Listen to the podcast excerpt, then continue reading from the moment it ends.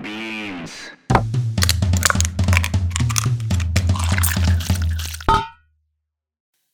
Selamat datang kembali di Spill Your Beans episode 5 ya sekarang.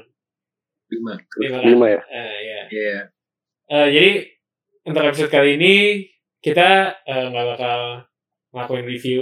Eh, kita kali ini kedatangan seorang tamu yang apa ya spesial lah bisa dibilang. oh iya siapa tuh ya mungkin kalian udah tahu namanya ya gara-gara dia sempat di feature di Instagram kita juga.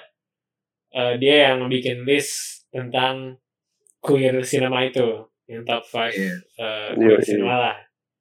Jadi Iya. namanya itu Jordi atau lebih lebih sering dikenal dengan nama Greg Camel. Gimana aja? Ya benar. Eh, singkat cerita lah ya. Jordi ini saudara gue.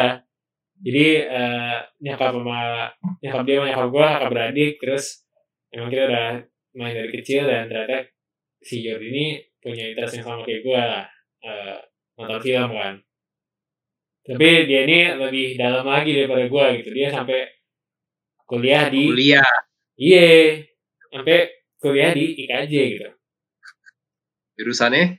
Jurusannya? Filman. Filman. Filman. Ada sub jurusannya gak? Hah? ada sub jurusannya gak? ada mayornya. Oh mayornya ya maksud gue itu. Kajian sinema. Kajian sinema ya. Mungkin lu ceritain dulu kali kajian sinema itu apa gitu? Lu belajar Iya, apa? gua, gua nggak tahu Iya. tuh. nggak tahu juga tuh.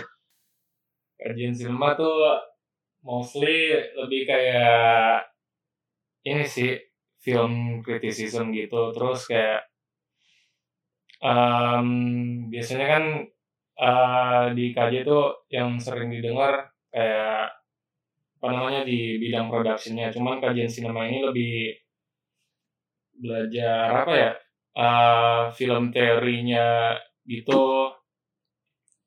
Hmm. sama ya film criticism yang tadi gue bilang. Iya. jadi emang kerjaan lu ngekritik film gitu ya? Iya tapi menarik sih menurut gua. Karena lu kayak gua sempet denger lu cerita kayak lu dapet kelas kayak avant-garde cinema gitu ya. Yo Avantgarde cinema. kalau yang production gitu nggak dapet kan? Kagak kagak Terus lo avant-garde cinema tuh belajar apaan? Suruh nonton film avant-garde kayak gitu. yo nontonnya di kelas? Iya iya sumpah. iya. Oke, pelajarin apa eh, sejarah perkembangan film avant-garde tuh gimana eh, setiap periodnya gitu deh. Kayak ada beda-beda fase gitu. Mungkin kayak menarik buat gue itu salah satu favorit subjek gue di ini. oh iya Di- di jurusan Iya. di Mayer tuh oh Eh, tapi Itu gue mau nanya deh tuh kayak eh, film film-film yang lebih eksperimental side-nya gitu deh. Eh, biasanya gak ada naratifnya gitu. hmm. contoh film yang avant-garde apa Avant-garde. Hmm. Apa ya? Film-filmnya Andy Warhol. Oh, oke eh Andy Warhol Gue belum pernah sih nonton filmnya ya, Andy Warhol. Oh dia tuh bikin film juga. ya? Iya, dia bikin film juga. Oh, gue pikir dia tuh kayak cuman apa seniman Artis. seniman Iya. ya gitu. Dia salah satu pioneernya ini apa namanya? eh, gerakan film underground di New York City gitu deh. The Velvet Underground. Covernya kan? Iya, cuma dia juga buat covernya. iya benar sih nah, gue mau nanya deh Eh, gue mau nanya Jordi Iya. saya kalau di kan lu belajarin tentang apa film criticism gitu Hmm. Cuma kayak maksudnya buat kita nih orang yang bukan kuliah film, lu bisa kayak jelasin kita gak sih kayak general aja kayak film criticism tuh apa gitu kayak secara general. Maksudnya kayak caranya yang benar kayak gimana gitu-gitunya sih. Bisa ya. Basicnya tuh dikasih ada diajarin teorinya gitu. Eh, dasarnya itu ada dua jenis film. Yang satu tuh non fiction sama fiction. Hmm. Terus tuh eh, kayak berkembang lagi eh, ada jenis film realis sama formalis. Formalis. Surrealism. surrealis, surrealis itu juga salah satu dari ini ya apa namanya salah satu cabang dari Realis. eh, enggak Oh, formalis. formalis. Formalis. Bedanya apa Terus realisme ya dari kata-katanya aja literally eh, film film yang apa ya Realistis. iya cuman kalau yang formalis itu lebih kayak banyak meng- menggunakan apa ya imajina imajinasi gitu imajinatif film-filmnya nggak Oh, iya prosesnya tuh apa yang ditampilkan pada frame itu tuh di layar tuh kayak eh, nggak kayak yang kita lihat dari mata kita gitu loh Oh, paham, paham. mata manusia gitu kalau yang formalis itu benar-benar kayak imajinatif gitu. oh. Creepy gitu dah gue dengerin. Lalu gitu ya. Iya. Iya iya. iya. Terus terus gimana lagi dari habis itu ada Terus ya udah kalau uh, pas udah uh, kan dasar-dasarnya dikasih ajaran itu dulu terus uh, lanjut lanjut kemudian nonton film terus nganalisis film yang ditontonin berdasarkan ini apa namanya? Teori yang baca. Iya, beda sih eh, apa? Eh, film criticism yang biasanya kalian eh, dengar gitu loh kayak biasanya apa sih Chris Tuckman gitu kayak beda jauh. Soalnya ini kan kayak lebih akademisi gitu loh Hmm, oke. Oh. dan lebih banyak menggunakan teori-teori yang tadi gue bilang kalau kalau Chris Tuckman kan kayak apa ya? Dia se- sebagai audiens saja kali ya. Iya iya. Oke, oke, oke. Apakah berarti ka- kalau Chris, apakah review film sama criticism tuh beda, sama atau beda? kurang lebih gak jauh beda sih gak jauh beda Oke, oke, oke. Menarik sih. Oke. Menarik, menarik. Nah, gue pengen tahu nih sebenarnya. Jo. kan kita semua nih ya sa- semua orang lah kayak kenal kaji itu kayaknya orang-orangnya bandel gitu kan istilahnya. ya orang-orang yang nyeni gitu. Itu pertanyaannya ke situ-situ ya. Kagak gue pindah doang kayak. Sebenarnya kalau soalnya kan banyak orang yang kayak mikir ya itu persepsi persepsi orang kan terhadap gaji orang yang bukan orang gaji ya. kayak pergaulannya itu eh ya agak Berbeda. kacau berbeda ya berbeda. Oh, ini. sebut aja kayak mabuk-mabukan gitu misalnya. contohnya. Nah gue pengen tanya aja sih sebenarnya itu tuh bener gak sih persepsi publik akan anak kayak gitu kayak gitu atau sebenarnya nggak segitunya juga gitu nggak segitunya juga sih oke Salah nih, publik salah nih. Jadi sebenarnya sama aja kayak kampus-kampus lain gitu. Yoi. atau lu nggak mengaku aja lu bagian dari itu ya? Kagak, kagak. Wow. Nah, jadi tadinya tuh eh, episode sebelum ini tuh yang Call Me By Your Name, tadinya kita mau undang Jordi nih, tapi sekarang baru sempet nih ngobrol-ngobrol karena iya ada satu dan lain hal.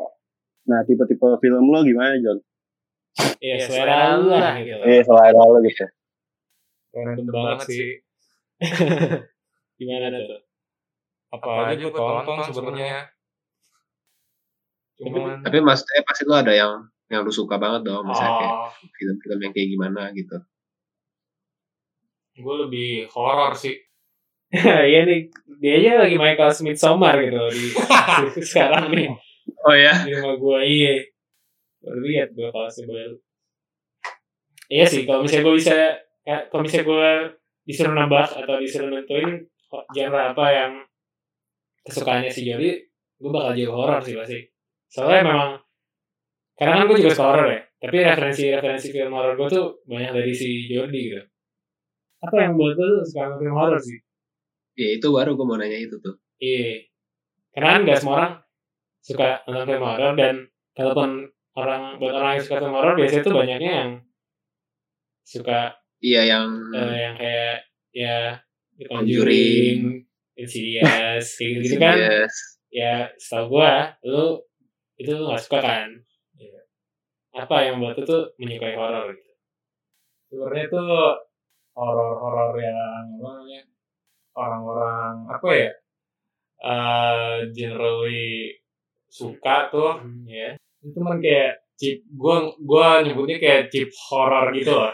Chip horor murah Wajib horor. murahan gitu dikatain. Iya. Em, Kenapa tuh?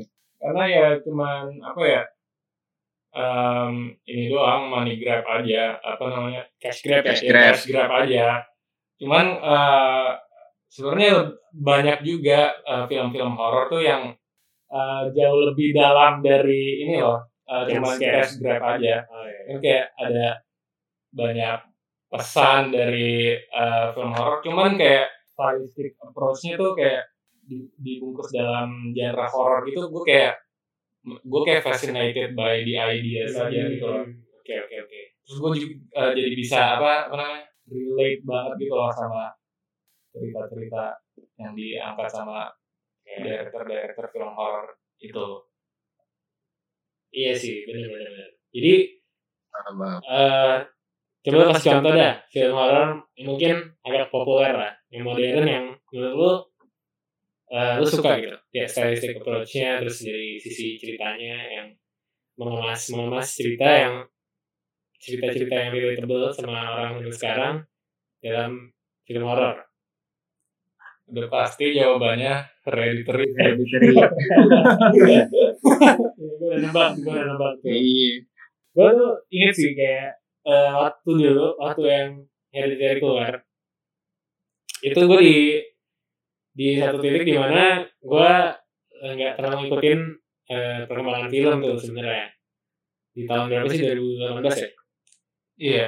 Kayak gue nonton nonton film tapi gue nggak terlalu ngikutin kayak yang film baru keluar. Nah tapi eh, tiba-tiba gue ngeliat di story story Instagram gue nih kayak saudara-saudara gue nih eh, si Jordi sama kakaknya kayak nge-story gitu lah hereditary hereditary lah kayak eh, lu pada harus nonton nih hereditary gitu gitu intinya merekomendasiin hereditary kan?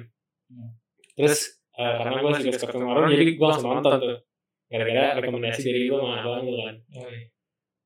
dan ya ternyata bener gitu. gue itu bener film horor yang berbeda banget sih dari yang zaman sekarang sih. Beda banget. Dan ya itu gue suka banget juga gitu kan. Yang lucunya kayak itu gue jadi sering ngobrol sama lo lagi gitu tentang film iya Tadi- tadi sebelumnya kan kagak ya? gue gak ini dah gue gak terlalu ngeh gitu dah ya, pokoknya gitu lah kayak ya, gara-gara film itu gue jadi mulai nanya lagi kayak referensi-referensi film gitu. Emang apa gitu yang kesan kesan lo yang ter yang paling besar tentang hereditary itu apa gitu? Yang paling berkesan lah. dari hereditary buat lo. Personal banget sih sebenarnya Oh sumpah. Apa ya? personal gue apa ya gue bener-bener relate sama ininya apa namanya Charlie. eh kagak eh,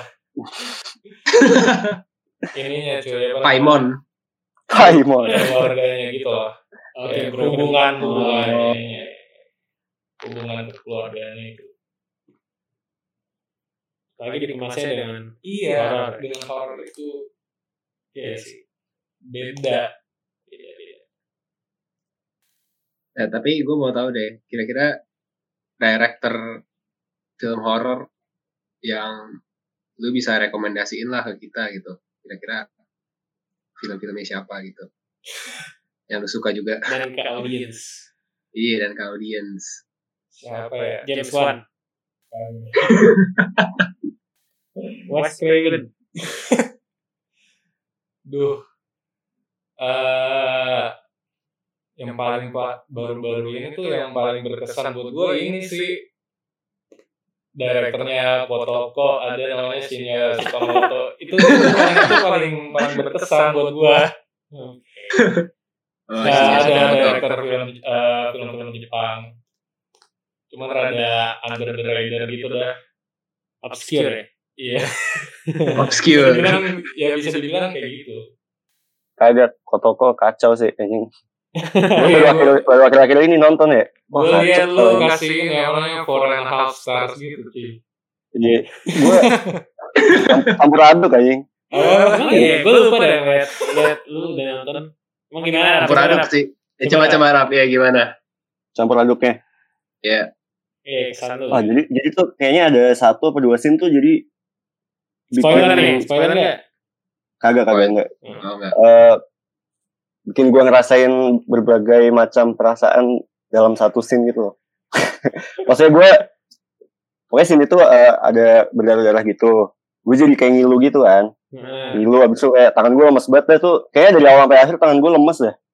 Tapi di sini tuh ada komedinya juga. Jadi gue campur aduk gitu loh. Kayak antara gue eh, ngilu tapi kayak ngakak juga gitu loh. itu yang gue suka makanya kayak perasaan gue tuh bisa dimainkan gitu. Cap, capek banget nontonnya suka sih. main-mainin gitu ya? Suka cuy. iya iya iya setuju setuju gue Emang lu gimana dapet kesan lu tentang film itu?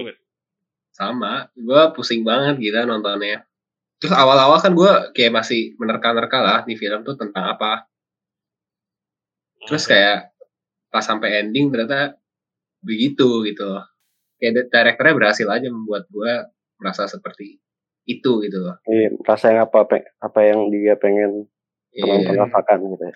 iya Tapi menarik sih. Waktu kemarin kan lu tuh nyuruh kita untuk nonton satu film yang eh ber- yang jauh berbeda lah dari genre horor kan.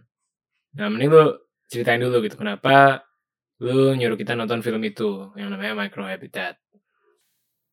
awalnya tuh apa ya? gue eh, gak ada ini apa namanya? eh, pikiran pengen nonton film ini gue asal random aja pikiran random gitu di dari film gue terus tuh benar-benar apa ya? floor me banget lah ini film cuy. Eh, kayak gue tuh bener-bener relate banget. apa bisa resonate sama cerita dari film ini kayak apa ya? bener-bener wah personal level gitu loh. Gue kayak eh mikir apa namanya eh, baru-baru ini kan si Hubert kayak habis nonton apa Francis Ha gitu loh. Film ini tuh juga eh kind of kind of reminds me of ini juga apa namanya Ha ya in the same Iya. uh, Iya, in the same iya way banget gitu sih. loh. Yang the same way ya. Iya. Terus kayak gue jadi mikir kayaknya uh, kalian bakal tertarik gitu. Gue jadi rekor rekomendasiin. Terus ternyata turns out kayak lu apa namanya Pipo sama Hubert tuh kayak uh, sampai kasih kayak five star, four and a half Iya, star kita- gitu. kita semua Iya, ya. Sih. Iya sih. gue four and a banget sih. half ya bagus banget sih Parah sih. Gue emang gue emosional juga sih pas nonton. Eh, tapi Kacau deh, itu. Arab udah nonton belum sih? Udah, Gue udah nonton, gue baru banget nonton tadi. Oh, tadi. Tadi. Baru Soalnya gue gak ngeliat di ini gitu. Letterboxd. Lu kasih ngerasa- sih gue si Arab? Apa? Lu kasih berapa dari ratingnya? Gue empat setengah. Hmm. Itu cocok banget. Maksudnya kayak waktunya tepat aja buat Iya, nonton benar itu. benar. Gitu. iya benar-benar waktunya tepat banget buat kita ya apalagi Iya. ya. Itu kayak menggambarkan quarter life crisis. Iya, perfectly gitu loh. Dan kita kayak lagi apa namanya itu ya? Iya pada uh, fase-fase itu loh. Iya, benar sih. Memasuki fase-fase itu. Iya, benar benar. Gue apalagi kayak mereka ngomongin tentang what is essential in life gitu kan iya. terus kayak ngeliatin si Miso gitu kayak apa ya seneng aja gitu hati gue kayak kayak pengen gue peluk gitu loh si Miso Eh, tapi Lu ceritanya bisa si Greta mau lupa lu anjing. iya emang ya masanya emang Ceritain dikit karakternya lah, lovable gitu loh? Ceritain dikit sinopsisnya kayak. Oke, oke. Ya kan sih Oh, buat iya, biar iya, sih. audiensnya pada tahu gitu loh tertarik juga. Iya. Gue aja kali ya. Coba. Eh, ya jadi film Micro Habitat ini bercerita tentang seorang perempuan Korea yang bernama Miso ya. Nah si Miso ini bekerja sebagai pembantu rumah tangga tapi yang paruh waktu doang sih dia nggak dia nggak dari pagi sampai malam jadi kayak dia Hmm. nyari nyari gig untuk beres-beresin rumah orang lah ya kan Hmm. Iya. nah terus suatu hari oh sorry lupa Eh, si Miso ini punya adiksi lah adiksi sama Rokok dan ini Sama whisky. whisky ya nah karena dia eh, miskin ya jadi dia ini harus membagi-bagi eh, apa namanya pengeluarannya kan nah suatu hari eh, sewa sewa Harga rokok naik. harga rokok naik, eh, ya, harga rokok sewa naik. apa namanya kontrakan sewa kontrakannya naik juga naik juga. nah terus dia harus memilih kan gimana cara mengatur pengeluarannya dan akhirnya dia memilih untuk eh, nggak punya tempat tinggal gitu dia, dia lebih memilih untuk untuk bisa- Rokok, rokok sama whisky. Iya. Iya. dan ya itu ceritanya dimulai dari situ jadi dia kayak jalan-jalan eh, ke wah numpang-numpang lah di rumah temennya gitu dan kita kita tuh ngeliat cerita cerita dia dan temen-temennya itu kayak Iya, kayak gitu filmnya struggle struggle mereka ini. Iya seragam mereka dengan fase kehidupan mereka yang baru lah gitu. Gitu Hmm. Hmm. itu ceritanya. Dan bagus banget sih menurut gue kayak apa ya pas banget pas banget buat gue yang sekarang buat kita. Karena ya gue secara pribadi sih kayak takut gitu takut menghadapi masa depan gitu kan. Dan film ini tuh kayak agak menambah ketakutan gue sih sebenarnya. Oh ya. kayak di setiap di setiap perhentiannya si Miso tuh kan eh, cerita temannya tuh berbeda semua kan Iya. tapi kebanyakan tuh selalu bukan kebanyakan sih malah Semuanya. semuanya tuh kayak memiliki Malah hidup yang nangis. yang iya gitu hidupnya mereka nggak puas dengan hidup mereka gitu Hmm. walaupun mereka ada yang kaya apa ya, bahkan ada yang udah tua gitu masih hidup sama orang tuanya gitu Hmm. itu kayak aja gitu dan kayak pas aja sama fear gue akan eh, masa depan gue kayak gitu. Kalau gue sih. Hmm.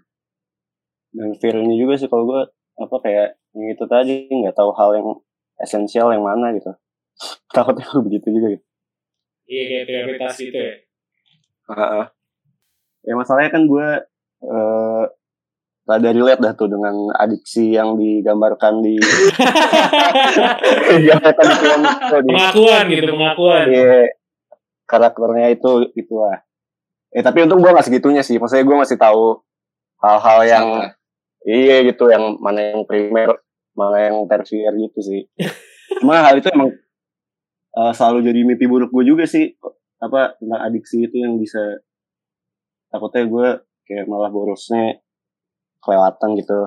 iya Sedangkan gue harus memikirkan hal, hal lain gitu. sebenarnya memang eh, kebiasaannya Miso ini itu nggak bagus gitu. sebenarnya itu nggak itu suatu hal yang bakal merusak lu kan. tapi kita ini istilahnya kayak dipaksa untuk berempati sama Miso karena dia orangnya tuh baik banget gitu. dia tuh Wah iya.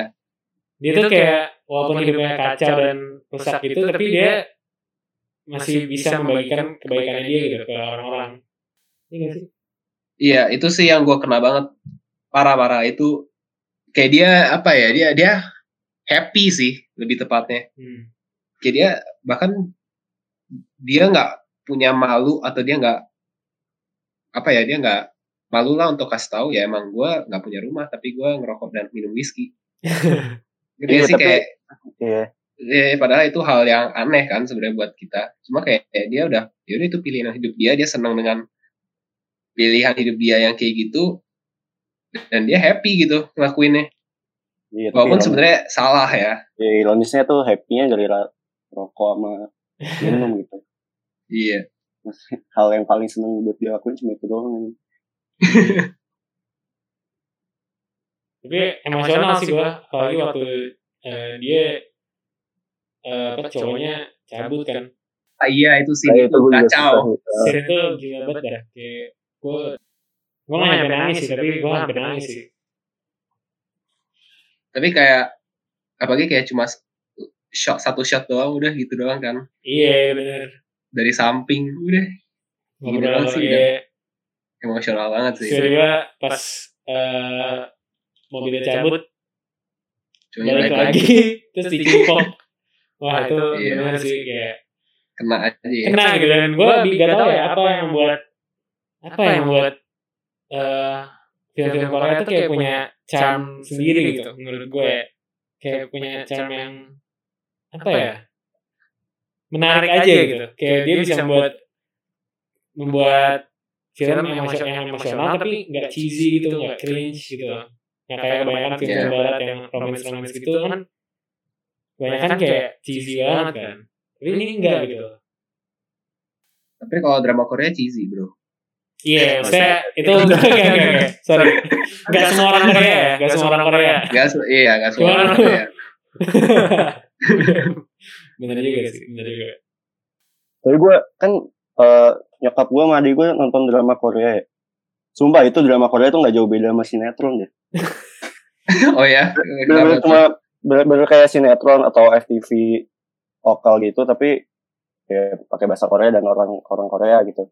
Jadi lebih lucu gitu ya kesannya. Kayak maksudnya karena Iya, dia kayak kesannya- dia nunjukin budaya luar kan. Iya kesannya ya lebih apa ya lebih elit aja aja lah ya padahal intinya dramanya sama aja gitu.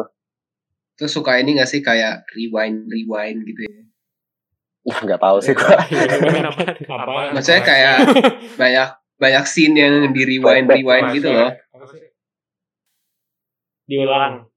Iya diulang mulu. Oh. Jadi misalnya mereka mau ciuman terus kayak diulang cium ciuman. Iya, ini ya, in- India gitu. Bollywood. Iya. Bollywood gitu. Iya mirip gitu. Cek deh. Eh kalau lu gimana Jor? Scene-scene yang lu suka di film ini apaan Jor? Emang ini spoiler talk ya? Spoiler talk aja lah. Spoiler aja. Spoiler aja lah.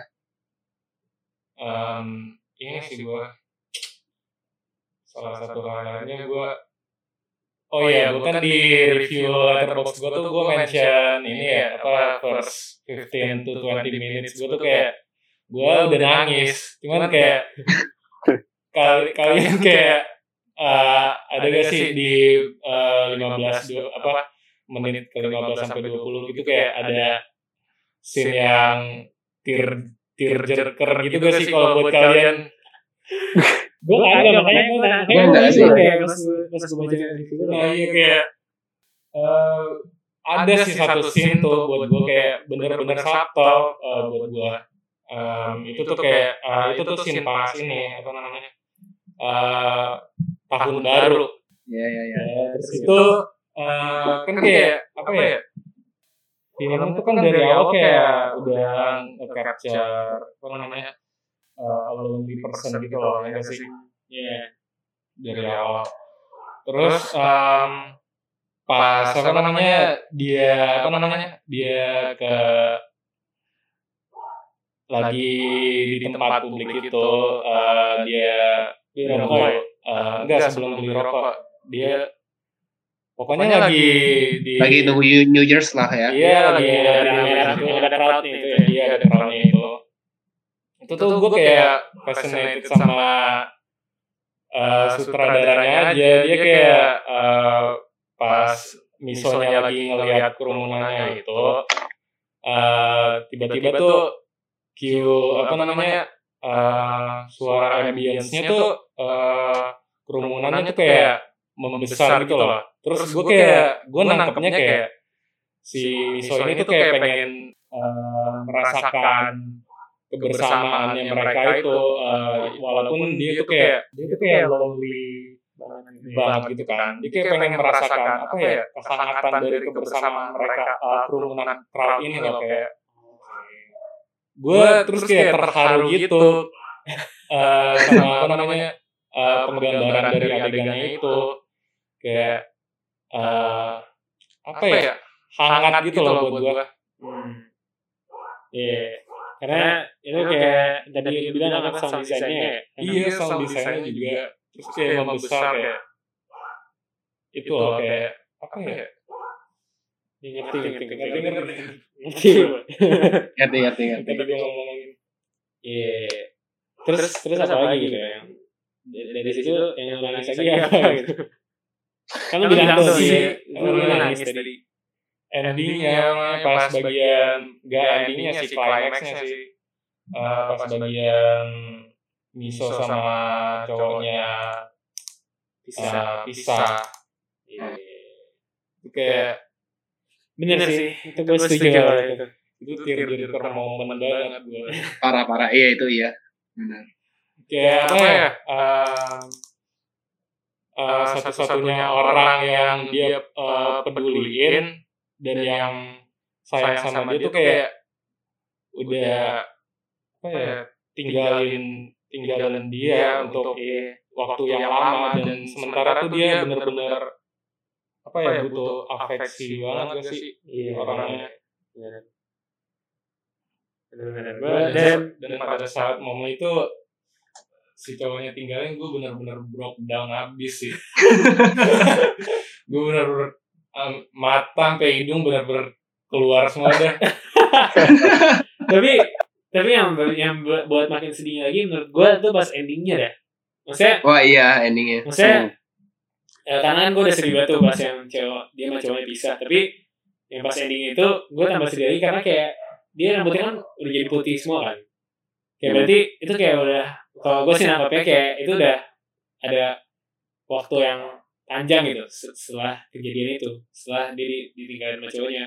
Karena waktu dia tinggalin cowoknya kan kayak baru berapa baru kayak segaris gitu kan rambutnya jadi putih. Iya iya iya. iya. jadi kayak karena itu udah waktu yang panjang berarti kayak sampai sampai dia udah tua pun cowoknya nggak balik lagi gitu. Dia masih tinggal di tenda gitu malah sendirian. Kayak benar-benar Iya. hidup dia sampai tua ya sendiri aja gitu Terus kayak aduh itu kayak hal yang sedih banget aja sih menurut gua. Gue mikirinnya Tapi berarti kayak gue sih juga nangkepnya kayak ya berarti dia tetap broke aja nggak punya duit. Soalnya iya. dia bilang kan dia sakit kan mah dia iya harus minum obat kalau nggak Iya. eh, rambutnya tambah putih kan. Ya ya gue nangkepnya berarti dia udah nggak bisa beli obat lagi gitu. Hmm. Hmm. jadi kayak ya udah dia bener-bener broke abis dan apa ya endingnya sih yang pas ternyata kita lihat dia tinggal di, di tenda wah itu kacau banget sih buat gua atau kayak ini orang sampai hidupnya di tenda gitu padahal kan Korea dingin parah ya Iya. nggak tahu sih kena banget drifter lu mau Iya. rap jadi drifter rap Drifter apa? drifter Apaan Kayak tuh? gitu yang kayak dia kayak lu nggak punya rumah terus lu jalan-jalan aja udah Asal bisa mabok ya? iya Kagak lagi lah. tapi gue mau nanya deh Jor apa tuh ah kayak lu tadi kan mention kayak lu sukanya horor aja film uh, direkturnya direktur Jepang iya Shinya Sukamoto gitu kan. Tapi apakah kayak in general lu lebih suka film non barat daripada film barat? lebih suka film non barat sih gua spesifik Kenapa di tuh? apa Asia Asia territory gitu sih Asik.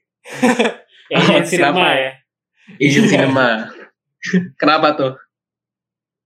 Eh, nggak tahu kayak yang kayak tadi Pipo bilang aja sih kayak sutradara sutradara apa ya film-film eh, Asia tuh kayak punya charm tersendiri itu loh yang membuat apa ya filmnya tuh film-film mereka tuh kayak berciri khas dan kayak stays with you longer gitu lah setelah nonton film itu kayak eh, leaves you with apa big impression gitu Hmm. gue gak tahu ap, apa iya, ngerti, spesifiknya tapi tuh pasti kalau buat gue ya film-film Asia tuh kayak gitu Ya, gue masih dikit sih referensi film-film Asia gue. Kayak tadi gue baru ngeliat-liat lagi kan, kayak ternyata baru dikit banget sih. Jadi gue kayak pengen dive into lebih dalam sih Hmm. nextnya. Tapi kalau dari Southeast Asia lu ada rekomendasi juga nggak? tropical melody yo itu salah satunya juga. Terus siapa tuh sutradaranya coba lu bisa nggak sebutin namanya.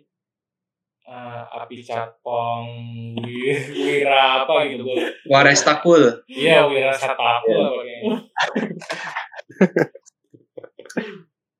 Ada lagi nggak? Indo dah. Kalau Indo gimana menurut lu? wah. Gue kurang ngulik cuy. Kalau Indo. Kurang ya? Film Indo yang paling berkesan buat lu apa? anjir gue bener-bener se- sesedikit itu dah gue nonton film Indo Apa-apa, gue juga dikit banget. gue gak nyampe Berapa? lebih dari 10 woy Iya. sumpah separah itu Lu kayak masih nyampe sih. Ave Maria itu lah. Gue belum nonton gitu Sama sih. Itu Gua belum 37 nonton. Steps. Banyak banget eh, ini apa namanya film-film eh, tahun-tahun ke sini tuh film-film Indonesia yang belum Eh, ditonton Ngomong tapi kalau di IKJ itu tuh di kelas-kelas lu kayak disuruh nggak sih nonton film Indo? iya lah Iya. Jadi jadi emang Indo didukung juga gitu. iya lah Ya harus. Harus dong. Siapa tahu kagak soalnya dia nggak pernah nonton. Nah, Gundala lu nonton soalnya kelas gue tuh kayak banyak lebih banyak ini pelajarin em, film-film 20th century gitu cuy dan oke. apa ya lebih banyak film teorinya itu Iya. Jadi bukan mainstream cinema ya. iya Itu lah. Bener. Udah nih, tutup nih. seru Tutup aja. Oke, thank you banget semua teman-teman yang udah mau dengerin dan thank you juga buat Jordi yang udah mau jadi guest kita buat ngobrol-ngobrol di hari ini. thank you banget udah ngajakin gue Oke, Yoi. nanti next lagi kali ya. Jangan lupa follow Instagramnya Jordi juga di @grapecamel. Follow Letterboxd juga banyak review-review yang kocak. Iya. Dan banyak paling yang pasti kalian bakal dapat referensi-referensi film aneh lah kalau dari Letterboxd ini. Iya, Iya betul. Ya, dan juga bisa follow kita di Instagram at woodcock.tv dan di Spotify juga Woodcock TV. Oke, sekian dari kita semua. See you next episode. Thank you guys. thank you thank you Bye. Spill your beans.